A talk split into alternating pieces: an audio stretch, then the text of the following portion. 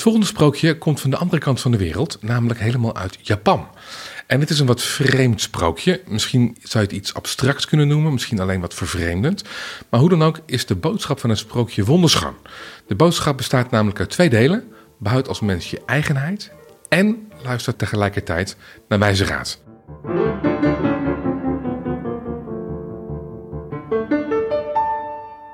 Sharon Faber, hartelijk welkom. Dank. Word jij s'nachts wel eens bezocht door draken, heksen, piraten of ratten? Oh ja. Vertel. En ook weer door, door elfjes en, en ja, alles wat langs wil komen, dat komt langs. Ben je daar bang voor? Ehm, nee. Nee. Oké. Nou, dan, dan heb je veel geluk. Eh, dan ben je een gezegende vrouw. Eh, we gaan een sprookje horen, dus uit Japan, waarbij het er wel eng aan toe gaat s'nachts. Klopt. En je gaat het sprookje nu voorlezen. Het heet... De boze rat. Lang geleden woonde er in een bergdorpje in Japan een boer en een boerin. Ze hadden een heleboel kinderen. De boer was erg arm. Daarom moesten de kinderen die groot genoeg waren met hun vader op het land werken. De jongste zoon van de boer heette Kami. Hij was nog te klein om mee te helpen op het land. Maar al gauw bleek dat hij heel goed kon leren. Daarom besloten de boer en zijn vrouw dat Kami monnik zou worden. Op een goede dag gingen ze met Kami naar het klooster en vroegen of hun zoontje monnik mocht worden. De abt vond het goed en zo kwam Kami in het klooster te wonen. De monniken merkten al gauw dat Kami inderdaad goed kon leren, maar hij had één ondeugd. Wanneer hij moest studeren, zat hij vaak katten te tekenen. Kami tekende zelfs katten waar dat helemaal niet mocht. Hij tekende katten in de heilige boeken van de monniken en op de ruiten, de muren en de pilaren van het klooster. De abt zei tegen Kami dat hij dat niet mocht doen, maar Kami bleef overal katten tekenen, want hij kon het niet laten. Toen Kami zeven jaar in het klooster was, liet de abt hem op een dag bij zich komen en zei: We kunnen je niets meer leren, Kami. Een goede monnik zul je nooit worden, maar misschien word je een beroemd tekenaar. Je moet ons nu verlaten, maar luister eerst goed naar wat ik je zeg en vergeet het nooit. Blijf s'nachts niet in een grote ruimte, maar zoek een klein kamertje. Kami dacht diep na over wat de abt had gezegd, maar hij begreep het niet. Hij pakte zijn spulletjes bij elkaar en ging weg uit het klooster. Kami wist niet waar hij naartoe moest gaan. Hij kon niet naar huis, want zijn ouders waren te arm om voor hem te zorgen. Opeens dacht Kami aan het klooster van Nikoto. Dat was niet ver weg. Maar niemand had hem verteld dat het klooster van Nikoto gesloten was. Op een mistige avond was er een grote boze rat naar het klooster gekomen. De monniken waren bang geworden en gevlucht. Daarna waren er honderd soldaten naar het klooster gegaan om de boze rat weg te jagen. Maar de soldaten waren niet teruggekomen. Tegen de avond kwam Kami bij het klooster van Nikoto aan. Het was er doodstil. Aan de muren van het klooster hingen lampen die mooi geel licht gaven. De mensen in de buurt zeiden tegen elkaar: Dat zijn de lampen van de duivel. De rat heeft ze opgehangen om reizigers naar het klooster te lokken. Maar dat wist Kami niet. Hij beklom de trap van het klooster en ging naar binnen. Er was niemand. Kami was moe en ging op de grond zitten. Hij wilde op de monniken wachten. Er lag een dikke laag stof op de grond en aan de pilaren hingen spinnenwebben. Misschien willen de monniken mij wel graag als schoonmaker hebben, dacht Kami. Opeens zag Kami een groot wit doek. Ervoor stonden potten met penselen en verf. Kami pakte een penseel en begon katten te schilderen. Hij schilderde totdat hij slaap kreeg. Hij ging op de grond liggen en deed zijn ogen dicht. Toen hij bijna sliep, dacht Kami opeens aan de woorden van de abt. Blijf s'nachts niet in een grote ruimte, maar zoek een klein kamertje. Kami was onmiddellijk klaar wakker, want hij lag in de grote hal van het klooster. Hij stond op om een klein kamertje te zoeken waar hij veilig zou kunnen slapen. Hij zag een schuifdeur en achter die deur was een klein kamertje. Kami ging naar binnen, kroop in een hoek, rolde zich op als een kat en viel in slaap. Een uur voor zonsopgang verscheen een grote zwarte schaduw op de muur van het kamertje waar Kami lag te slapen. Plotseling gingen alle lampen uit. Kami schrok wakker. Hij hoorde geblaas van katten en een vreselijk gekrijs. Kami werd doodsbang en kroop weg in zijn hoekje. Hij durfde niet te kijken. Het lawaai werd steeds erger, de muren stonden te schudden. Opeens werd het weer stil. Maar Kami bleef in zijn hoekje liggen. Eindelijk werd het licht. De zon scheen in het kamertje. Kami stond op en liep het kamertje uit, de hal van het klooster in. En daar zag hij de boze rat liggen. Het dier was nog groter dan een hond. Hij zat onder het bloed en lag op zijn rug. De boze rat was dood. Kami was heel erg geschrokken, maar ineens zag hij dat de poten van de katten die hij getekend had besmeurd waren met bloed. De katten waren tot leven gekomen en hadden de boze rat gedood. En de woorden van de wijze abt hadden zijn leven gered.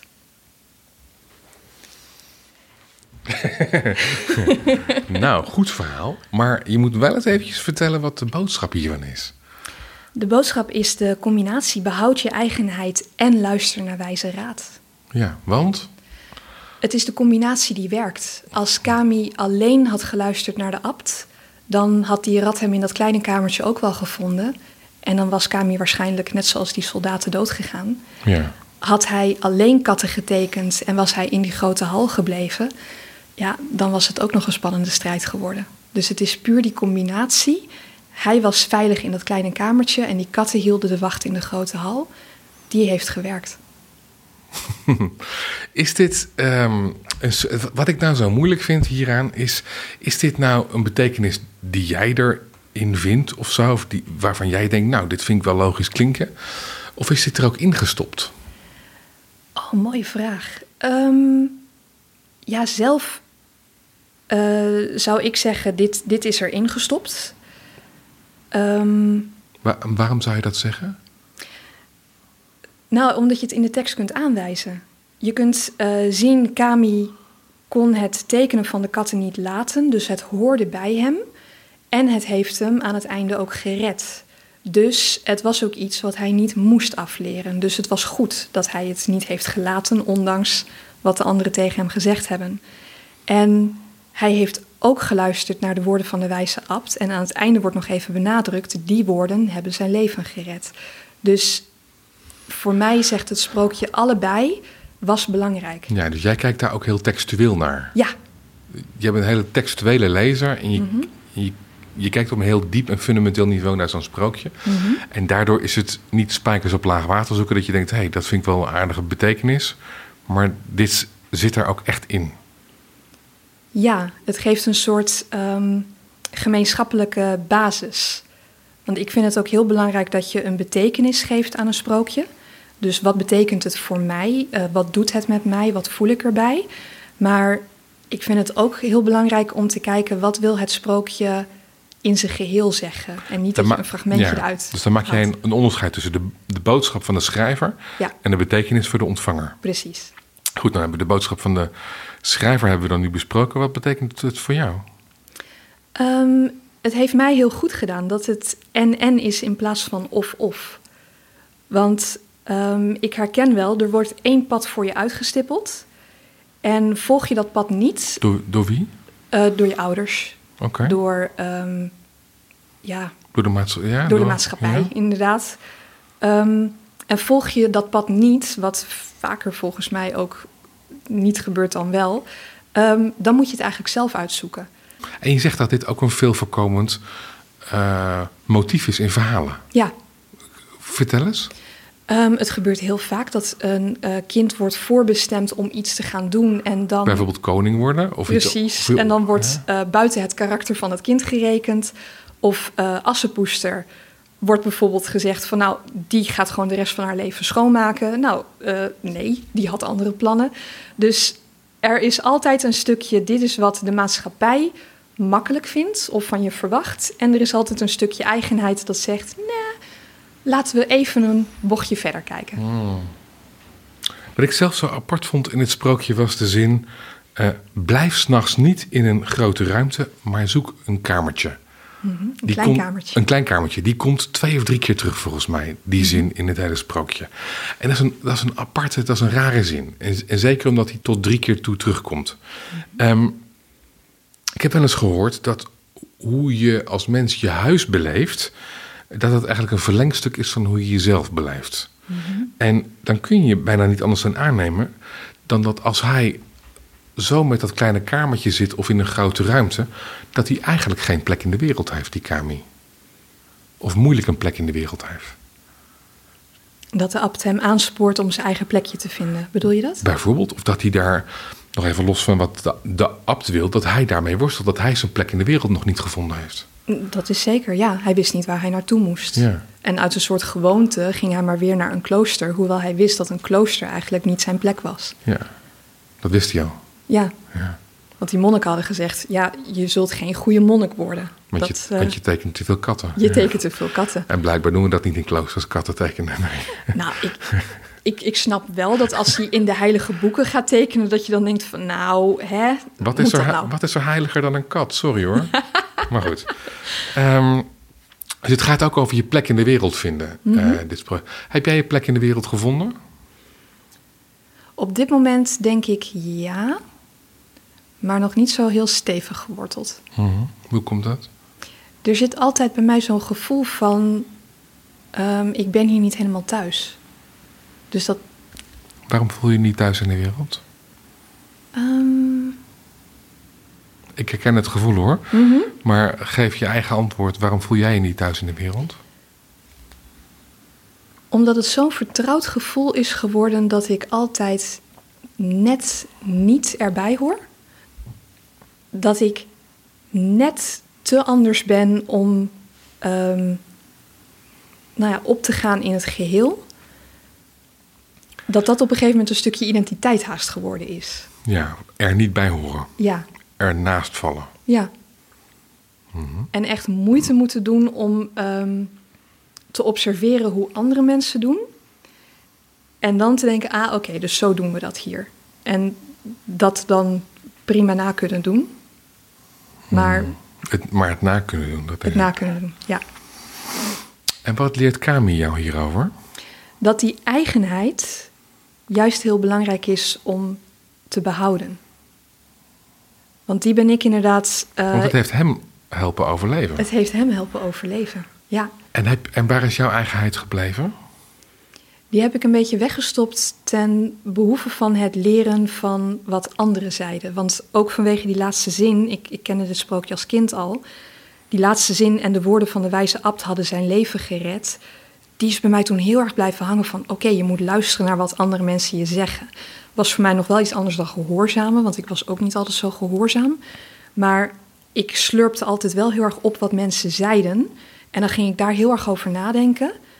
Soms kon ik tot een conclusie komen van ja, maar dit klopt niet. En dan legde ik het weer naast me neer. Maar ik was altijd heel erg aan het luisteren. Wat zeggen mensen? En pas later, en nog niet eens zo heel lang geleden, ben ik gaan zien... ja, maar die eigenheid is ook heel belangrijk daarin. Dus je moet er een mengeling van maken. Wat iemand zegt en daar dan je eigen draai aan geven. Dus vandaar niet alleen boodschap, maar ook En waar zit jouw eigenheid dan? Is dat intuïtie of wat, wat, wat, wat, wat, wat, wat, is dat? Ehm, ja, er zit een combinatie bij mij van het analytische. Ik kan aanwijzen waar ik iets op baseer. En daar zit dan ook nog even dat stukje extra van ik weet niet waarom ik dit weet, maar hier, dit telt ook mee, dit stemmetje. En ik vind het ook altijd irritant als mensen dat bij mij doen hoor. Van ja, het is een gevoel. En dan denk ik, ja, daar kan ik niks mee. Maar ik heb het zelf ook. Ik, ik snap het. Soms dan heb je zo'n gevoel. ehm, en dan weet je, het wordt één keer gefluisterd. Daarna niet meer. Maar als je er niet naar luistert, dan heb je er spijt van. En dat is ook geen dreigend stemmetje. Dat is gewoon zo'n heel zacht fluisterstemmetje dat even zegt van... Doe dit maar even niet. En dan doe je het wel. En dan denk je later, shit, had ik dat maar niet gedaan.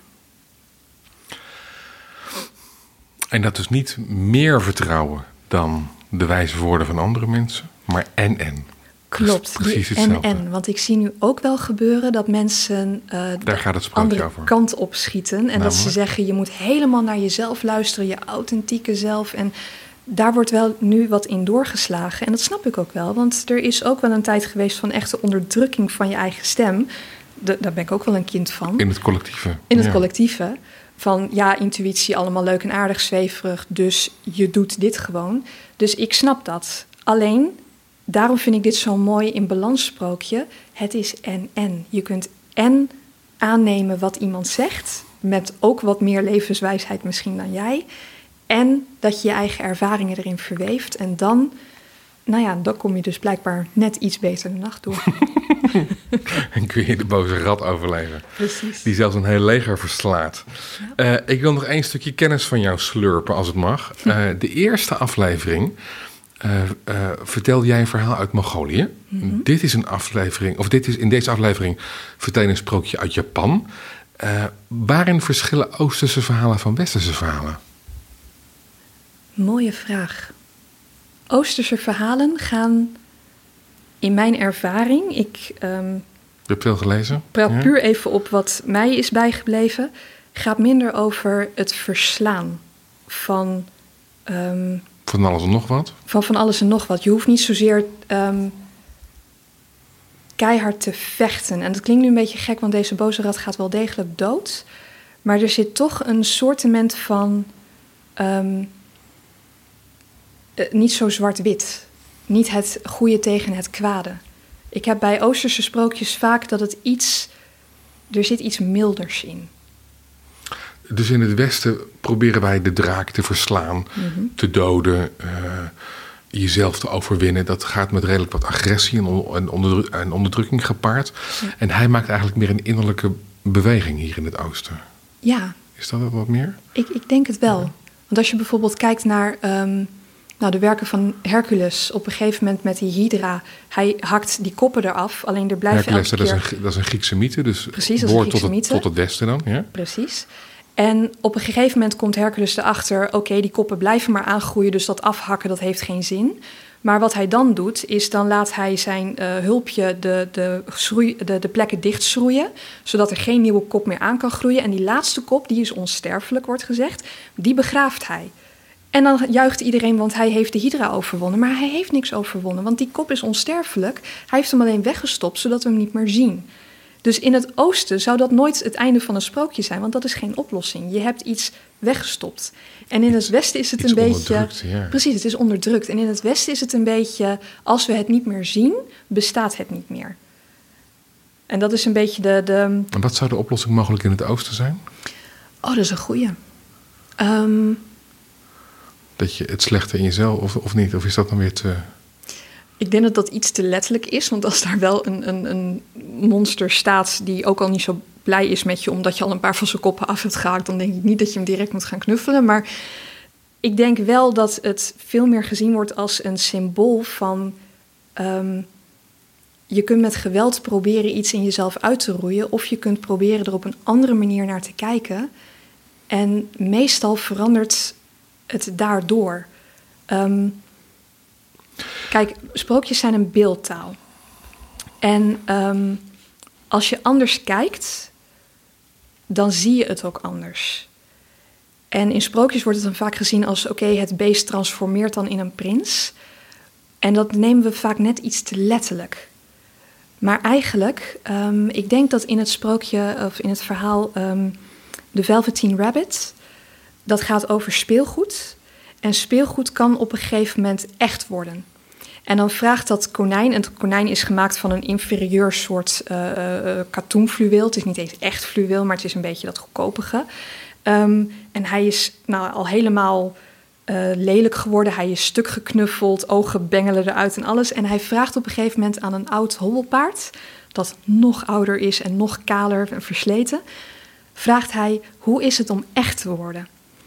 En dan zegt dat hobbelpaard zegt tegen hem, van nou ja, het kan pijn doen, want uh, hè, je, je, bent niet meer zoals je was. Je was eerst prachtig en iedereen vindt je heel mooi. En daarna ben je versleten, je poten bungelen eraf enzovoort.